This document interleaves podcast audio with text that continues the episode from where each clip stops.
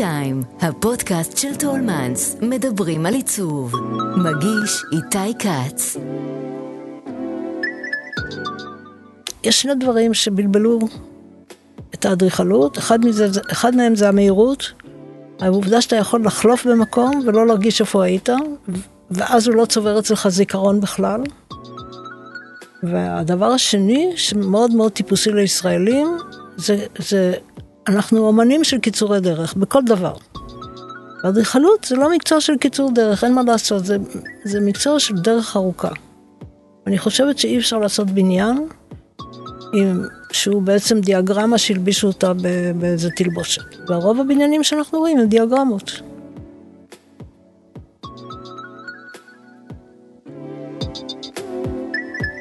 שלום, אני איתי כץ ואתם על T-Time, הפודקאסט של טולמנס, שבו אנחנו פוגשים אדריכלים, מעצבים ויוצרים לשיחה מרתקת על עיצוב, אדריכלות, סגנון חיים ותרבות ישראלית. היום יש לי הכבוד לארח את האדריכלית עדה כרמי מלמד. לא צריך להציג ובכל זאת אעשה זאת בקצרה. עדה כרמי מלמד, כלת פרס ישראל לאדריכלות, מתכננת משכן בית המשפט העליון אה, בירושלים בשיתוף אחיה האדריכל רם כרמי. תכננה את בית אביחי בירושלים, קמפוס האוניברסיטה הפתוחה ברעננה, מרכז המבקרים ברמת הנדיב, בית הליבה ברחבת הכותל, מפעל סודה סטרים ברהט, וגם מעון ראש הממשלה בירושלים, פרויקט ענק שהיה ונגוז, ושורה ארוכה, ארוכה באמת, של בתים ומבני ציבור נוספים. עדה, תודה שבאת. בניין ראש הממשלה זה עם רם כרמי. גם הוא. מגיע אליו uh, ככל שיותר לנו הזמן.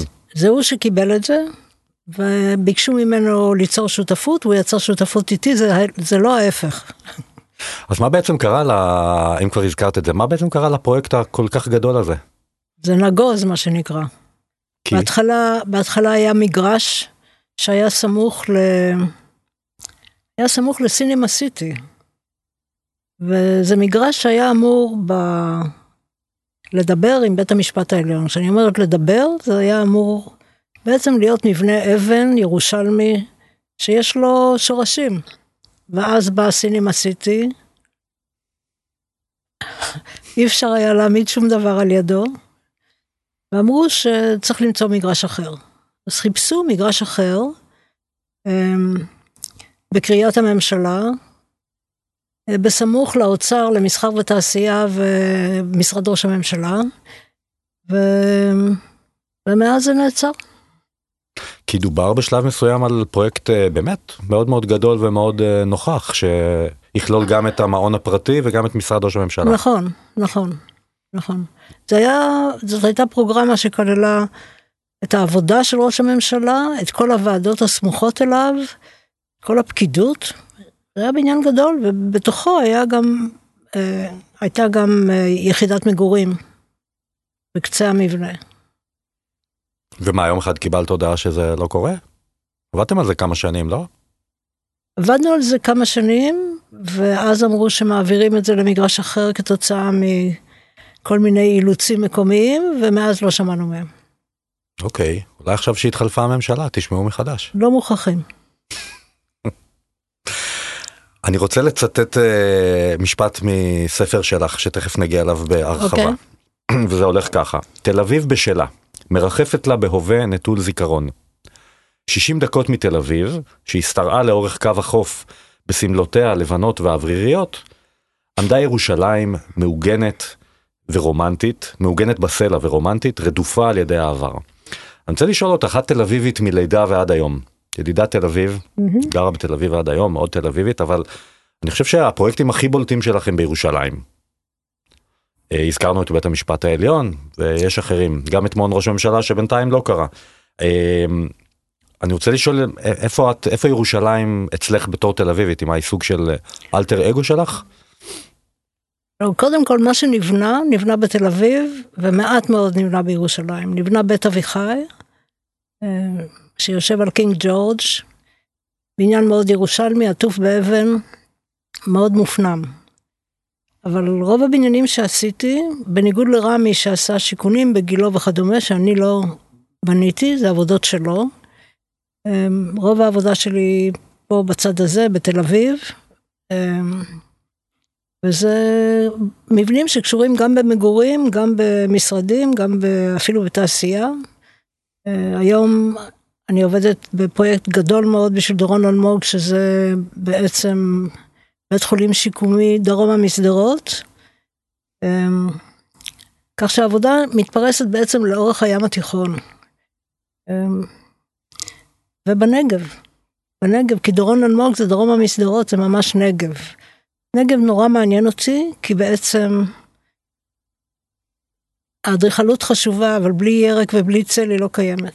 אז מה קורה כשאתה צריך להקים משהו, ובעצם שני אלמנטים שנמצאים מחוץ למבנה משפיעים עליו יותר ממה שתעשה אי פעם. זה נורא יפה, זה כאילו לעבוד עם הבלתי נודע או עם הבלתי צפוי, שמשתנה כל פעם. גם הצל, גם הירק, אמ, גם הגשמים, גם הרטיבות, גם הקור, ההפרשים יום ולילה, כל זה משתנה כל יום, נורא מעניין נגב. אז אה, אנחנו עושים כרגע הרבה עבודה שם. אז איזה פרויקט בנוסף לפרויקט של אה, דורון אלמוג?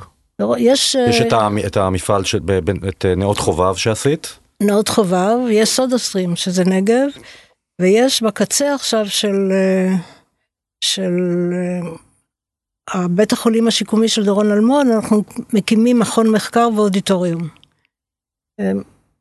זה מעניין כי זה מופנם, זאת אומרת אתה לא בעצם הצד הייצוגי של הבניין נמצא בתוכו שלו, לא בחוץ שלו. זאת אומרת, המעטפת מתעסקת בקנה המידה הפרטי, והבתוכו שלו מתעסק בקנה המידה הציבורי, זה הפוך ממה שקורה לבניינים פה בים התיכון, לאורך הים התיכון. אז למה? כי בלי, בלי, בלי שהמבנה יהיה מופנם, הוא לא יכול להתגונן, הוא לא יכול להגן על עצמו, והוא לא יכול בעצם להתחרות עם, עם חולות הנגב האינסופיים, ובעיקר עם האור האינטנסיבי, שבלי משקפי שמש קשה מאוד לעבוד שם. זה גם נכון בירושלים, דרך אגב. יש אור שבא ממדבר יהודה, שבעצם נופל על החולות הלבנים ומוקרן בחזרה גם לאזור ירושלים וגם לאזור הנגב, וזה אור שלא רק שהוא אינטנסיבי, יש לו בוהק בלתי אפשרי. בכלל, האור זה חומר הבנייה הכי חשוב בארץ, גם, גם האינטנסיביות שלו, גם הבוהק שלו, והשאלה איך אתה מכניס אותו לבניין ואיך אתה עושה ממנו אור שנות, שיוצר חיים ולא שעוצר חיים. בעידן היום שהוא אולי זה גם אולי זה גם נכון uh, לפעם את בכל זאת אה, אדריכלית כבר uh, הרבה מאוד uh, שנים אבל כשאני מסתכל היום אני חושב על מעטפת של בניין כסוג של כרטיס ביקור שאולי גם, נגיד את זה אולי במילים טיפה בוטות, אבל כרטיס ביקור שעוזר למכור אותו החוצה. כן. כשאת מדברת על בניין מופנם, נכון. האם זה לא איזשהו מחיר שאת אה, מוכנה לשלם, או שהלקוח שלך מוכן לשלם, תמורת זה שבעצם הערכים וההישגים הגדולים של האדריכלות שלו הם לא בהכרח ניכרים החוצה. זה קצת כמו להגיד שהפתעות לא חשובות בחיים. זה מה שאתה שואל אותי או אומר נכון, לי. נכון. אבל, אבל הצד הייצוגי בעצם הוא צד שקיים במעטפת הבניין ולאט לאט לאט לאט הוא חודר ומשפיע על כל חלקי הבניין. הוא אמור להשפיע על כל חלקי הבניין. זאת אומרת שנוצר איזשהו תהליך בין מה שקורה בחוץ, שהוא ייצוגי וציבורי עם קנה מידה גדול, שמתייחס אל העיר, ואיך זה לאט לאט לאט לאט הופך לקנה מידה שמתייחס למקום עצמו ולאדם ולקנה המידה האנושי של, של הפרט ולא של הציבור. נושא מעניין. אז בנגב, בעצם החוץ זה מעטפת שמתגוננת, היא לא רוצה הרבה פרטים. והיא הייתה שמחה אם היה איזשהו, אה, הייתי אומרת, משהו שמטייל על החזית שלה וירוק, בשביל זה צריך מים, אז זה מסובך. אבל הצל, את הצל האדריכל יכול ליצור. מים קצת יותר קשה, והירק גם כן ניתן עוד כאילו לגרום לו שבמקומות מסוימים הוא יאהב להיות. זהו.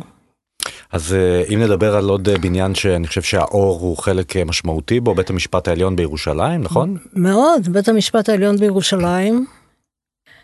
אחד, ה... אחד הדברים המעניינים בבית המשפט העליון בירושלים זה שהוא בעצם בניין שמדבר בשתי שפות. יש שפה של האבן, ויש קיר אבן ענק שחוצה את כל הבניין, וכל פעם שאתה חודר את קיר האבן, אתה בעצם נכנס לתוך היסטוריה ירושלמית, או היסטוריה של בניינים כבדים, אמ, שהם אה, בניינים של קירות, אה, מה שאנחנו קוראים קירות נושאים, שהם הקונסטרוקציה, או השלד של כל האזור הזה, ואני מדברת על כל, בתי, כל האזור של אולמות המשפט וכל האזור של הלשכות. זה הכל בעצם אה, רצועה שלמה שנמצאת מאחורי קיר האבן הגדולה, קיר האבן, מה שאנחנו קוראים אבן הנשיקות, שתכף אני אספר לך עליה, אה, ומה שנמצא מחוץ לקיר הזה הוא כולו אדריכלות לבנה, בעצם הוא אדריכלות מודרנית. אז יוצא שיש בניין שהוא מתעסק בחוק, החוק אמור לשמור עלינו אה, מזמן עבר עד זמן עתיד, נכון? אז יש לו בעצם אדריכלות של זמן עבר ואדריכלות של זמן הווה ועתיד, כאילו. והעתיד זה האור. אז אני חושבת שהאופן שבו האור נכנס לתוך הבניין ומלטף את הבניין ושורט את הבניין וכואב את הבניין, בעצם הוא מאוד מאוד שונה בצד אחד של הקיר, שזה הצד הדרומי, ובצד הצפוני של הקיר, שזה הצד של הפואיה הגדול, ששם בעצם נמצאים האנשים לפני שהם נכנסים כביכול לאולמות המשפט. אז יש אור שהוא אור קווי, זאת אומרת אור ליניארי שמאיר את כל הקיר הגדול, ויש אור שעושה קצב. זה נורא חשוב בעצם שהאור זה כמו חומר, שאפשר להגיד שהאדריכל, כתוצאה מהדרך שבה הוא מכניס את האור לבניין, יכול ליצור כאילו מוזיקה שיש בה קצב ומוזיקה שיש בה רצף. וזה שני דברים מאוד מאוד שונים.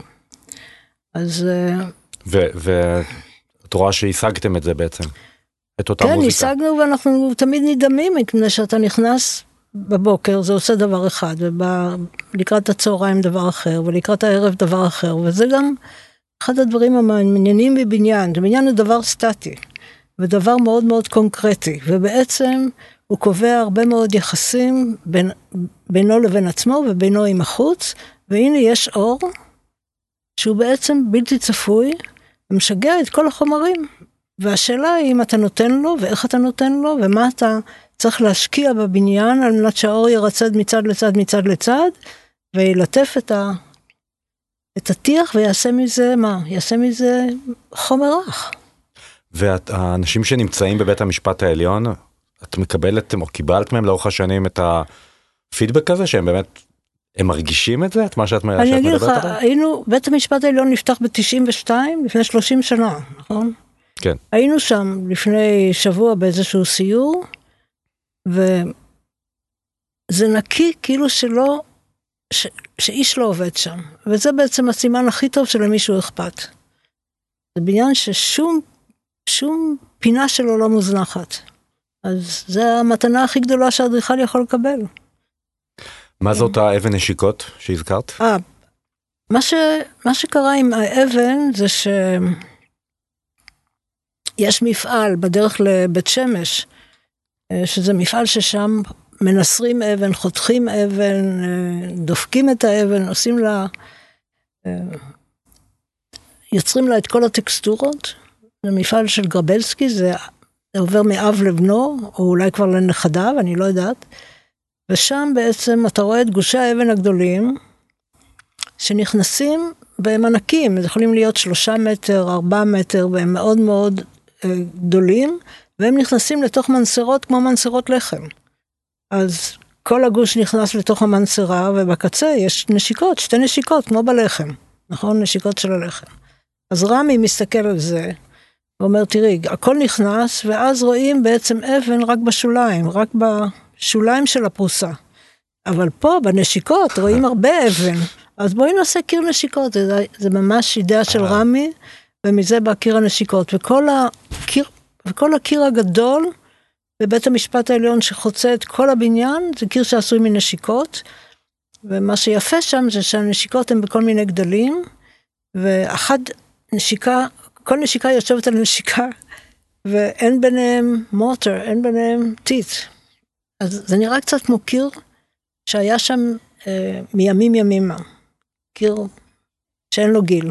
זה פרויקט אה, מפתח מבחינתך, הפרויקט של בית המשפט העליון ב- זה בעשייה שלך? זה, זה, זה, זה, א', זה הפרויקט היחידי שרמי ואני עבדנו עליו יחד. מהמם.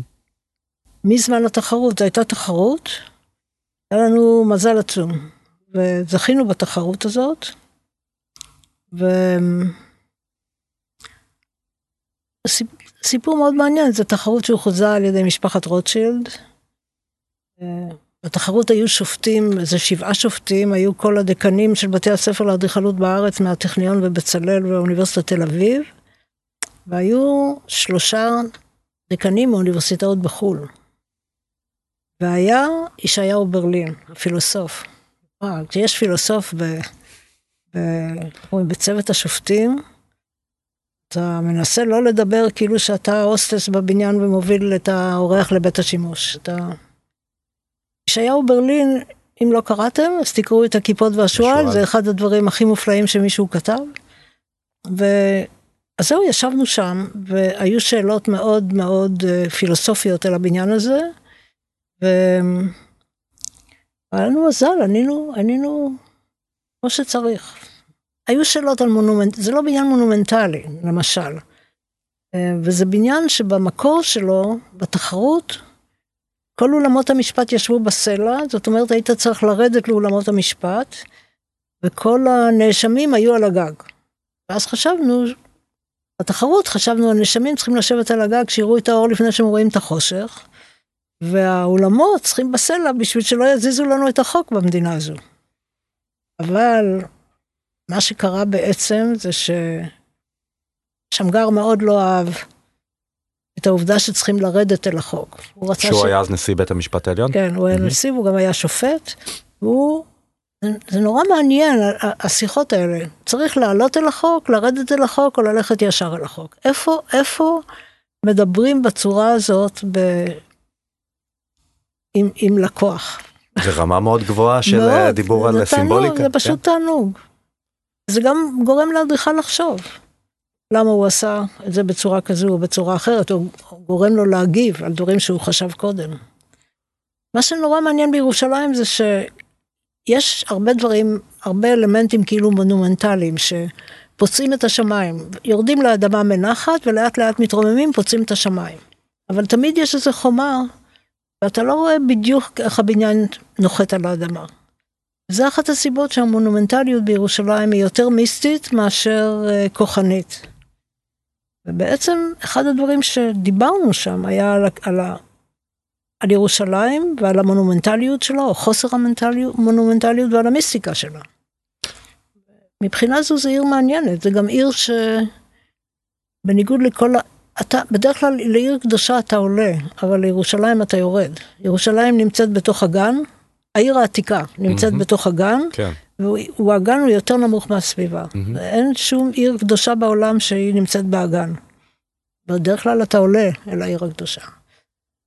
אני רוצה עוד פעם לשאול אותך על החיבור הזה של ירושלים תל אביב, כן, כי אה, את אה, בילית 25 שנה בערך במחקר מאוד מאוד מעמיק, נכון. שהוביל אה, לספר, באמת ספר חובה, Mhm. שכתבתי יחד עם אה, דן פרייס על נכון. האדריכלות אה, בתקופת ה- מנדט. המנדט, אה, והוא קצת מתחבר לי למה שדיברת קודם על התכנון של בית המשפט העליון בין עבר לעתיד, אולי שדיברת על, על אותם. קירות של בתי כן. משפט ירושלמים. כן. זה מהדהד בעצם תקופה קדומה אל מול התקופה הישראלית של נכון. מדינת ישראל. אז אני רוצה לשאול גם אם אה, איפה איפה האדריכלות המנדטורית הזאת אה, השפיעה עלייך בעבודה שלך וגם אם את חושבת שהאדריכלות הישראלית בעצם הצליחה לשחזר אולי אפילו לעלות על, ה, על אותם הישגים אה, שאת די מתר... שהרבה אנשים מתרפקים עליהם שאת מציינת אותם בספר שלכם כבאמת אדריכלות פנטסטית בירושלים בעיקר. אבל האדריכלות בתקופת המנדט הייתה אדריכלות לבנה בתל אביב, נכון. מופלאה. ולא היה פה אף גאון, אבל הייתה פה שפה. זה ההבדל הגדול בין, בין מה שקורה היום, זה שאנחנו מחוסרי שפה. זאת אומרת, האדריכלות בעצם אין לה שום common denominator, אין לה שום מכנה משותף, אה, שהאדריכלים כאילו נושמים אותו. זה חבל. היה פה פעם, בשנות ה-30 וה-40, של אדריכלים ישראלים שכולם גדלו באירופה או התחנכו באירופה, ולמרות שהם באו מארצות מאוד שונות, עם uh, בתי ספר שאינם דומים זה לזה בכלל, הגיעו ארצה והייתה להם שפה. וכל תל אביב נבנתה בעצם על ידי הרבה מאוד אדריכלים בשפה שהיא הייתה משותפת לכולם. איך את מסבירה את זה, שאז היה והיום לא? יד המקרה? אבל זה נכון לגבי הרבה דברים, אז היה, היום לא, לא. לא כדאי, לא כדאי לחזור אחורה, לדבר, אז היה, היום לא. לא, כי באמת באים. אנשים מהמון מדינות, אביך אה, דוב כרמי. הוא היה מבלגיה, מבלגיה, למד בגנט. אה, הרבה אנשים הגיעו מבית ספר כמו באו-האוס ואחרים ופולין ואת אומרת שלמרות זאת אז מה השפה משותפת זה בגלל שכולם עברו באירופה בדרך? אני חושבת שכולם הבינו שאדריכלות בעצם קשורה במקום עם כל התנאים הגיאוגרפיים שלו הטופוגרפיים שלו וכדומה. היא קשורה בחברה שנמצאת במקום והיא קשורה במסורת. והייתה פה מסורת של בנייה ערבית שבעצם לא למדו ממנה הרבה חוץ מאשר נושא הצפיפות, שבניגוד נניח לאירופה, שהיה, וגם בארץ בהתחלה, שהיה מה שנקרא גרדן סיטי, שכל בניין ישב על מגרש והיה ירוק מסביב, אני חושבת שהאדריכלים האלה הבינו שצפיפות זה לא דבר רע. Mm-hmm. ולכן גם המגרשים האלה בעצם לא היו מגרשים ענקיים, היו מגרשים יחסית קטנים. תוכנית האב של תל אביב, שהיא תוכנית של גדס, שהוא אדריכל בריטי, היא תוכנית של מגרשים יחסית קטנים, שבנו, התכסית של המבנה ישבה על השטח והייתה רצועה אה, מסביב לבניין שהיא יחסית קטנה, שהפרידה בין, בין בניין לבניין. בעצם מה שקורה עם המגדלים שלנו זה אותו דבר, המגדלים נמצאים מצפון, מצפונית לירק, ל... איך קוראים לזה? לדרך חיפה, לאיילון. יושבים על מגרשים שהם אה,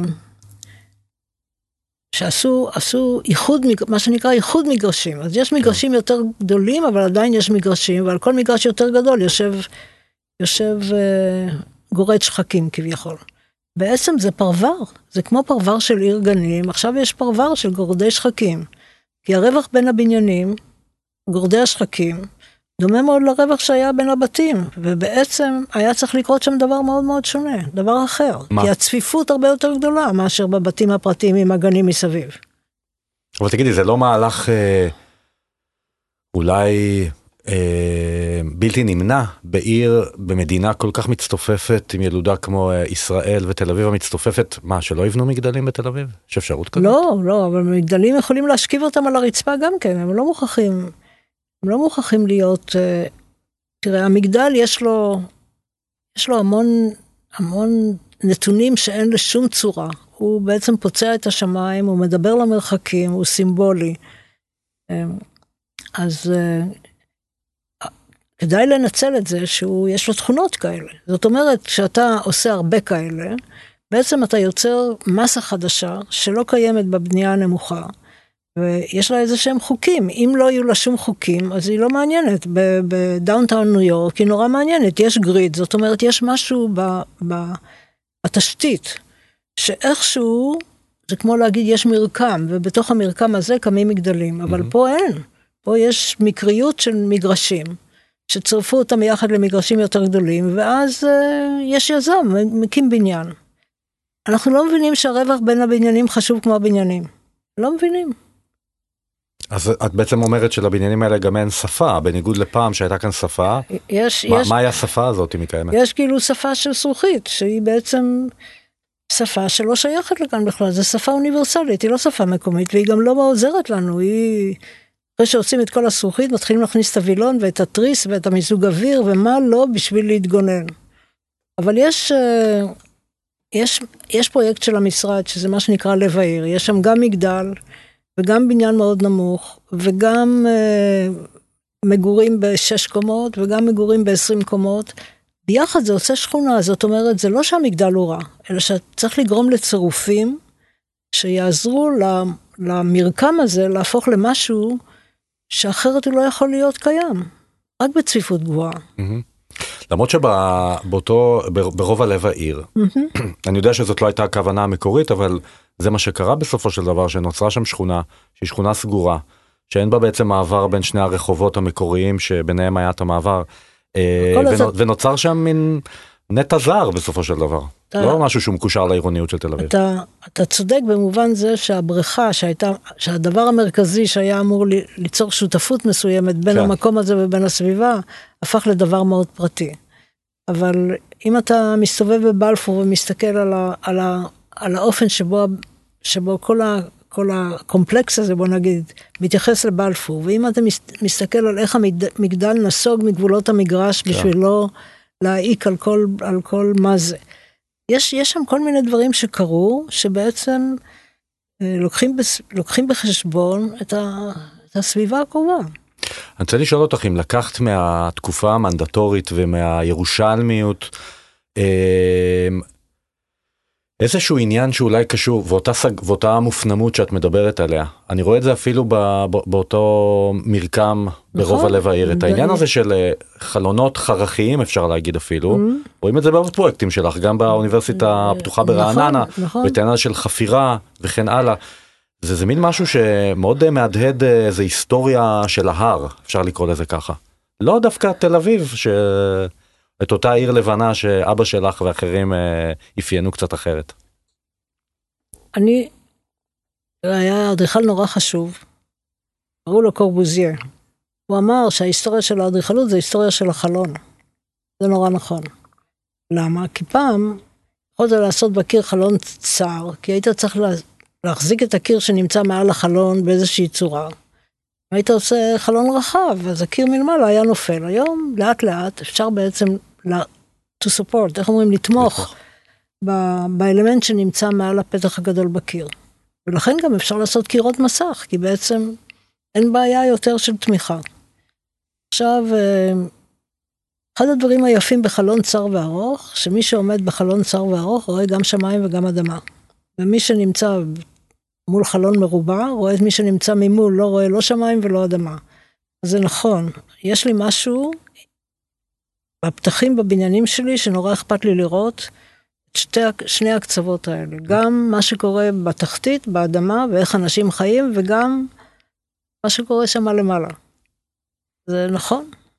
פתחים, אה, אני אקח עוד ציטוט מהספר שלך אה, שאת אומרת האדריכלות הירושלמית נענית בעל כורחה לכוח הכבידה וחוגגת את המימד האנכי נטועה בקרקע ולפיכך ולפיכך אינה יכולה לרחף או להתמסר להפשטה. תל אביב לעומתה הייתה לוח חלק וחף מזיכרונות שבו המודרניזם תפס חזקה על העיר כולה תוך התעלמות מוחלטת מהנמל ומהעיר העתיקה של יפו.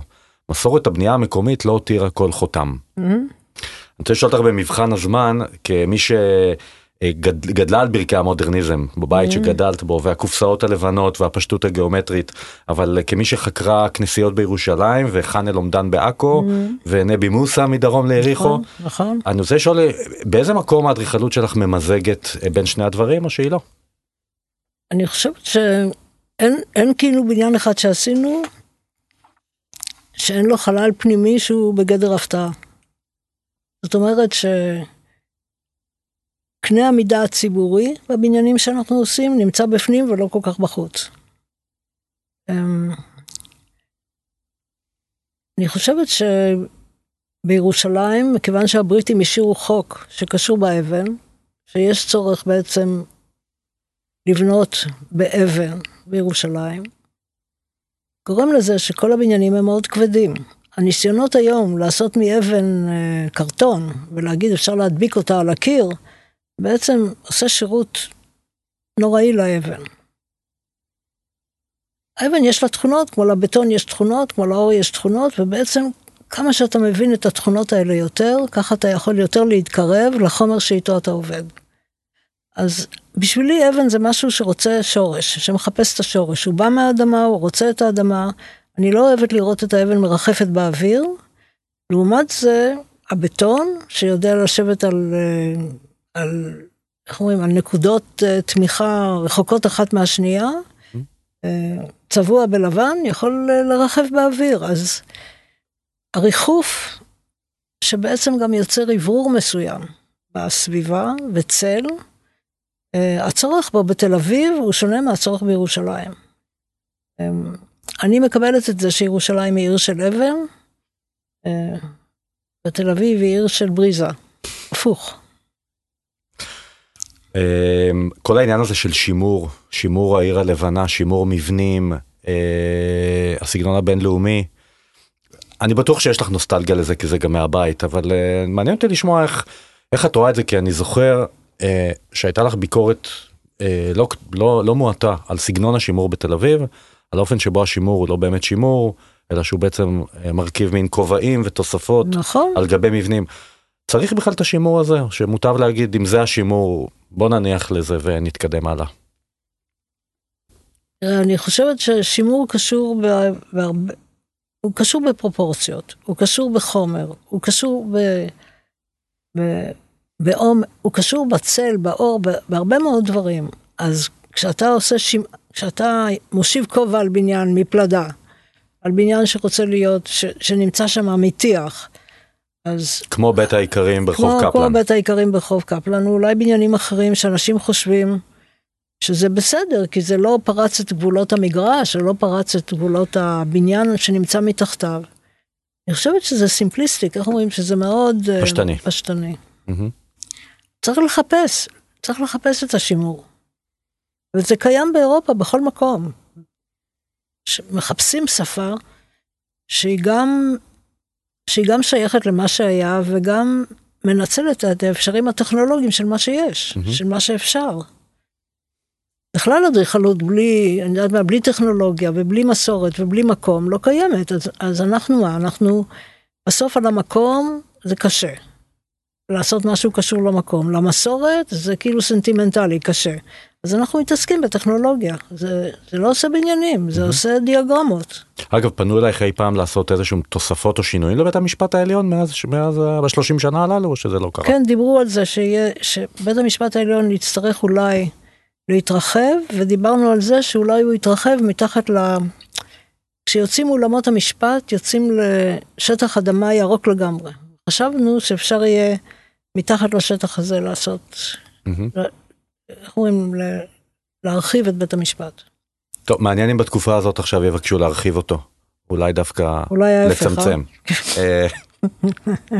שנינו מחייכים באותה צורה, אז זה בסדר, יש בינינו הסכמה. אה, מן הסתם יוצא לך לבקר בפרויקטים אה, שתכננת גם לא לאחרונה אלא מימים ימימה אולי אפילו כאלה שתכננת עם, עם אביך. אני רוצה לשאול אם, אם את יכולה לחשוב על דוגמה למבנה שנגיד השתמר מצוין as is שדואגים לו אולי בעצם קודם דיברת בבית המשפט העליון אבל אולי אחד אחר או מבנה שעבר איזשהו שינוי מאוד uh, גדול לעומת המקור. תראה, יש, יש בניין שאני מאוד אוהבת של אבא שלי שנמצא ב... במעטפה של, אני חושב במעטפה של הספר שעשיתי עליו. באידלסון, באידלסון. בית ליבלינג. בבית ליבלינג, אבא שלי וז'ניה אברבוך היו באותו בית ספר באותה שנה בגנט. והיא עשה כיכר דיזנגוף עם מרפסות כאלה גדולות גדולות, והוא עשה את הבניין הזה עם מרפסות על כל ה... מה שנקרא, איך קוראים לזה בעברית? ריבן uh, ווינדו, יש לזה שם. כן, uh, חלון סרט. חלון סרט, בדיוק. אז רואים, רואים כאילו שאנשים באו מאותו מקום, ולמרות שקנה המידה מאוד שונה, ולמרות שאחד זה בית פרטי ואחד זה חלל ציבורי הכי גדול של תל אביב, יש איזושהי שייכות או איזשהו מכנה משותף. אני מחפשת מכנה משותף באדריכלות הישראלית, אני חושבת שזה נורא חשוב שנמצא אותו. וזה חשוב גם כשאנחנו יוצאים לקראת רמת אביב ולקראת כל השכונות החדשות של תל אביב, או במקום אחר בנגב, אה, מפני שזה בעצם מה שיוצר זיכרון. מה, מה, מה יוצר אצלנו זיכרון ויזואלי? אנחנו כולנו מדברים ירושלים, מדברים חיפה כי יש אה, מישור משופע בחיפה. בתל אביב יש אה, חוף uh, הים. צריך למצוא שפה, והייתה שפה, היא נעלמת קצת, זה חבל. מה את חושבת שלקחת אה, מאבא שלך מבחינת אה, איכויות שהצלחת לקחת ממנו, אולי איכויות שלא לקחת ממנו, אולי איכויות שיש לך שעולות על, אה, על אבא שלך, אני, אני מניח שרוב מאזיננו יודעים, אבל נגיד דוב כרמי, חתן פרס ישראל לאדריכלות, הראשון לדעתי, נכון. אה, שבאמת תכנן אה, כמה מהבתים הנפלאים ביותר בתל אביב, אחד האדריכלים הטובים אה, בארץ. למה, למה הם כל כך נפלאים? הם כל כך נפלאים, כי היה לו משהו שאי אפשר ללמד, ואולי גם אי אפשר ללמוד, וזה חוש פרופורציה. זה גם נכון בחיים, וזה מאוד נכון באדריכלות. אני זוכרת אותו יושב מול, אה, מול דף נייר גדול, ויושב מול חזית, מחפש איפה לשים את החלון. מסתובב, מסתובב, מסתובב ככה עם החלון ביד על החזית שלו, ואומר, מצאתי או לא מצאתי? מצאתי. אז היה משהו שקשור בחוש פרופורציה, זה קצת כמו להגיד, אה, איך מלמדים מישהו שתהיה לו אינטואיציה? מה, אי אפשר ללמד את זה, או שיש או שאין, אבל חוש הפרופורציה זה באמת משהו שאני אני מקנאה. את אומרת את זה בהצטנעות או באמת? כאילו לא, שלא אני, לקחת את אני זה ממנו. באמת, אני באמת מקנאה, כי זה בא באופן כל כך טבעי, זה לא, אבא שלי אפילו לא היה מדבר ככה, אם אני הייתי שואלת אותו, תגיד, מה, מה כל כך מעניין בבניין? הוא לא היה אומר לי אחוז פרופורציה, אני לא חושבת. הוא נפטר בגיל נורא צעיר, 56, זה כלום. אבל באמת, אמ, העסק הזה עם פרופורציות לאורך כל ההיסטוריה של האדריכלות, התעסקו בפרופורציות, נכון? בחתך הזהב, עשו כל מיני דברים בשביל למצוא את הפרופורציות הנכונות, אמ, גם בווליום, גם בנפחים וגם במשטח וגם איך אומרים? מהמם, במשטח. משטח. אנחנו, תראה, אני חושבת, יש שני דברים שבלבלו את האדריכלות, אחד, מזה, אחד מהם זה המהירות, העובדה שאתה יכול לחלוף במקום ולא להרגיש איפה היית, ואז הוא לא צובר אצלך זיכרון בכלל. והדבר השני, שמאוד מאוד טיפוסי לישראלים, זה, זה אנחנו אומנים של קיצורי דרך, בכל דבר. ואדריכלות זה לא מקצוע של קיצור דרך, אין מה לעשות, זה, זה מקצוע של דרך ארוכה. אני חושבת שאי אפשר לעשות בניין עם, שהוא בעצם דיאגרמה שהלבישו אותה באיזה תלבושת. והרוב הבניינים שאנחנו רואים הם דיאגרמות. מצליחה גם- לחשוב גם- על יוצאים מן הכלל גם- לטובה? גם, גם אין התעסקות בחלל, אתה לא שומע אדריכלים מדברים על החלל. החומר של האדריכלות זה החלל. מהמם. וה, והקונסטרוקציה, אפשר להגיד שזה אולי ההיגיון, ההיגיון של האדריכלות נמצא בשלד. הרעיון נמצא בחלל, ההיגיון נמצא בשלד, אבל האטמוספירה נמצאת באור. עכשיו, ההיגיון והשלד והאור, איפה, איפה, למה לא מדברים על זה בכלל? הם צריכים להיות ביחד. זה כמו ביום ההוא, דיברנו במשרד ויש יש מהנדס גאון בשם פיטר רייס, נפטר בגיל נורא נורא צעיר, כתב ספר מעניין. והוא עבד אצל אוב ארופ, שזה חברת המהנדסים אולי החשובה בעולם הבריטית. הוא אמר, הוא אמר, form, הצורה, עוקבת אחרי התנועה. בניגוד ל-form follows function, פרנק לויד רייט אמר form ahead of function, וזה בא ואמר form follows movement. כבר, כבר השתמשתי בשלושת הדברים האלה בחודש האחרון בכל מקום. כי בעצם גיליתי בספר שלו את המילה form follows movement. עכשיו אתה חושב, form follows movement, למה הוא התכוון? אז ככה, המשקל בבניין מתחיל שם למעלה לאט לאט לאט לאט, הוא יורד, הוא משנה, יש לו תנועה למשקל. לאנשים מסתובבים בתוך הבניין, יש להם תנועה. אפשר להגיד שלמסורת גם יש תנועה, היא הייתה פעם ולאט לאט היא משתנה, משתנה, משתנה. אז בעצם, והאור כמובן. כן. נכנס לבניין, משתנה כל הזמן, משנה את כל הבניין, אבל כשלוקחים את האור ואת הקונסטרוקציה ואת החלל, וחושבים עליהם יחד, לא כל כך מבחינה פרגמטית, לא כל כך מבחינה שהאם הם ממלאים את כל הפונקציות שנמצאות בפרוגרמה, אלא חושבים עליהם כמו על שלושה דברים שהיו רוצים להיות ביחד, כי כולם קשורים בתנועה, היו יוצאים בניינים אחרים. מהבניינים שאנחנו מתכננים. אנחנו כאילו מקבלים פרוגרמה, ובסוף השכל הישר, שאיתו כל אחד יש, יש או אין, בעצם יכול לפתור את הפרוגרמה, זה בקלי קלות. האדריכלות לא נמצאת בפרוגרמה, היא נמצאת במקום אחר. גמרנו לדבר. תגידי, איזה, איך פרויקטים מגיעים אלייך? אני לא יודעת. הל- הלוואי והיו מגיעים יותר, אני לא יודעת. לא נראה לי המצב אה, רע במיוחד. לא, אבל, אבל אני משתוקקת לעשות מגורים, משתוקקת, וזה לא הגיע אליי, למרות שעשיתי את לב העיר.